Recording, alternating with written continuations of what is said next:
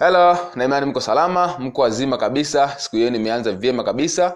Moja kwa moja bila kupoteza muda, naomba niende moja kwa moja kwenye maada ya leo ambayo ni muhimu sana endapo unauza bidhaa ama huduma. Ah, neno unalosema kwa mteja wako baada ya kuuza bidhaa ama huduma yako linasema vitu vingi juu ya nia yako ya kuuza bidhaa ama huduma. Neno hilo litamfanya mteja arudi tena kwenye biashara yako ama asirudi tena. Ama litamfanya mteja aone kwamba ulikuwa na nia ya kumsaidia ama ulikuwa na nia ya kuuza bidhaa ama huduma tu na upate pesa kutoka kwake. Na kosa hili wauzaji wengi sana wamekuwa wakilifanya na kuanzia leo nisingependa ulifanya kwa sababu linakupotezea wateja wengi sana wewe kama muuzaji wa bidhaa ama huduma.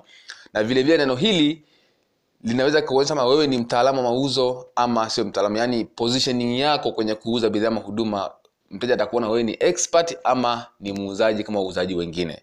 Kwa hiyo litakutenga wewe na wauzaji wengi endapo utatumia neno hili ipasavyo baada ya kuuza bidhaa ama huduma. Naomba nikuulize swali ambalo ukisema ndio ama hapana ama kwa hili umekuwa ukifanya ama haufanyi basi utakuwa unajua kama ulikuwa unalifanyaje kwa mfano baada ya kuuza bidhaa ama huduma kwa mteja wako mteja akashalipa pesa yake huwa unasema neno gani kwa mteja? Baada ya kuuza bidhaa ama huduma yaani baada ya mteja kununua bidhaa ama huduma huwaga unasema neno gani la mwisho kwa mteja wako? Eidha huwa unasema asante au huwa unasema hongera. Maneno haya mawili yana mtazamo tofauti sana kwa mteja na vile vile maneno haya mawili yanakuweka yana position tofauti kabisa kama aidha ni mtaalamu wa kuuza ama ni muuzaji kama wauzaji wengine wa kawaida. Kwa hiyo inategemea neno hili huwa unatumia neno gani. Kitu cha msingi ambacho nikuambia siku ya leo ni kwamba kuanzia leo usiseme kabisa neno hasante baada ya kuuza bidhaa ama huduma kwa mteja wako usiseme neno hasante badala ya kuuza bidhaa ama huduma. Kwa sababu gani? Kwa sababu neno hasante linamaanisha umimi. Which means ni kama vile umeshukuru kwa mteja kufanya maamuzi ya kununua bidhaa ama huduma yako lakini sio kwa sababu umemsaidia mteja kununua bidhaa ama huduma ili kutatua tatizo lake. Lakini unapomwambia mteja hongera karibu tena. Which means umempongeza kwa kufanya maamuzi sahihi ya kununua bidhaa ama huduma ambayo itamsaidia kutatua tatizo lake na vile vile mteja huyo hata kuona wewe kama umechukua pesa yake ama kama umemuuzia bidhaa ama huduma. Atakuona kama vile umemsaidia kununua bidhaa ama huduma. Ndio tunasema kwamba usiuze bidhaa kwa wateja wako ila wasaidie wateja wako kununua bidhaa ama huduma. Hakuna mteja ambaye anapenda kuuziwa bidhaa ama huduma ila wateja wanapenda sana kununua. Endapo utamsaidia kufanya maamuzi sahihi ya kununua bidhaa ama huduma. Hivyo basi wauzaji wengi wanaosema asante wateja huwa wanawachukulia tofauti sana. Lakini muuzaji anayesema hongera ama nimefurahi kwa sababu nimekusaidia wateja hawa huwa wauzaji wa, wa hawa huwa wanajiposition tofauti sana katika soko na wateja hao huishia kurudi mara kwa mara kwa sababu wanahisi kwamba wamefanya uamuzi sahihi wa kununua kitu sahihi kwao na sio kwa sababu wamemnufaisha muuzaji. Ukisema neno asante which means kwamba ni kama vile mteja amekupa pesa kama vile umemomba pesa amekupa. Lakini kumbe mteja amenunua bidhaa kwa sababu zake yeye na kwa sababu umemsaidia kununua bidhaa ama huduma.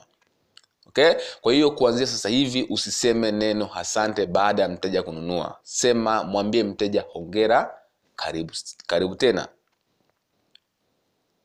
Utajuaje kama mteja amefurahi kununua bidhaa ama huduma yako utajua pale tu baada ya mteja kununua bidhaa ama huduma yeye mwenyewe atakwambia asante. Okay? Lakini utajuaje kama mteja amenunua kwa sababu tu amenunua? Ni pale wewe unapomwambia asante. Yaani kuna vitu tofauti hapa. Mteja akitangulia kukwambia asante which means amefurahishwa ama amefurahi kununua bidhaa ama huduma kutoka kwako na vilevile umemsaidia kufanya maamuzi sahihi. Lakini ukitangulia wewe kumwambia asante mteja which means kwamba ni kama vile umemwomba mteja kukupa pesa yake lakini hujamsaidia kutatua tatizo lake. Kuna, kuna vitu viwili hapa. Kwa hiyo utaona kama umefanya vizuri kwenye kuuza bidhaa huduma endapo mteja atatangulia kukwambia asante au shukran lakini mteja asipokwambia chochote which means kwamba amenunua tu kwa sababu labda kuna hali fulani ime- ime- ime- imembidi lakini hajafurahi kununua bidhaa kutoka kwao kwa sababu eidha labda lugha yako haikuwa nzuri si kwa hiyo pindi mteja anaposema neno la mwisho baada ya kununua bidhaa ama huduma inakwambia kabisa kwamba katika kuuza kwako umefanya kazi nzuri ama kazi mbaya kwa mteja. Mteja akitangulia kukwambia shukran sana ama asante which means umemsaidia kufanya maamuzi sahihi ya kununua bidhaa ama huduma na vilevile amefurahia bidhaa ama huduma yako. Lakini ukitangulia kumwambia asante wewe muuzaji which means hakuna kitu kizuri chakifanya kwa mteja e, a- ila tu kanunua kwa sababu ya hali fulani mbili kununua. Kwa hiyo maneno haya yatumie kwa makini kwa sababu yanakuposition tofauti katika soko. Mteja akinunua bidhaa ama huduma mwambie hongera sio asante. Narudia tena sema hongera sio asante. Kwa sababu unapomwambia asante ile inamaanisha kwamba mteja ni kama vile mteja amekupa pesa yake lakini huja, huna nia kumsaidia kusolve tatizo lake. Lakini kumwambia hongera which means umemsaidia kufanya maamuzi sahihi ya kununua bidhaa ama huduma yako na sio kumuuzia. Na kama tunavyojua wateja wanapenda kununua wanapenda kusaidiwa kununua na sio kuuziwa. Kwa hiyo mwambie mteja wako ongera na karibu tena. Theni ama mwambie nimefurahi kuku- nimefurahi kukusaidia karibu tena. Maneno haya yana nguvu sana kuliko kusema asante kwa mteja. I hope it is clear. Kama kuna swali basi mtauliza. Asanteni sana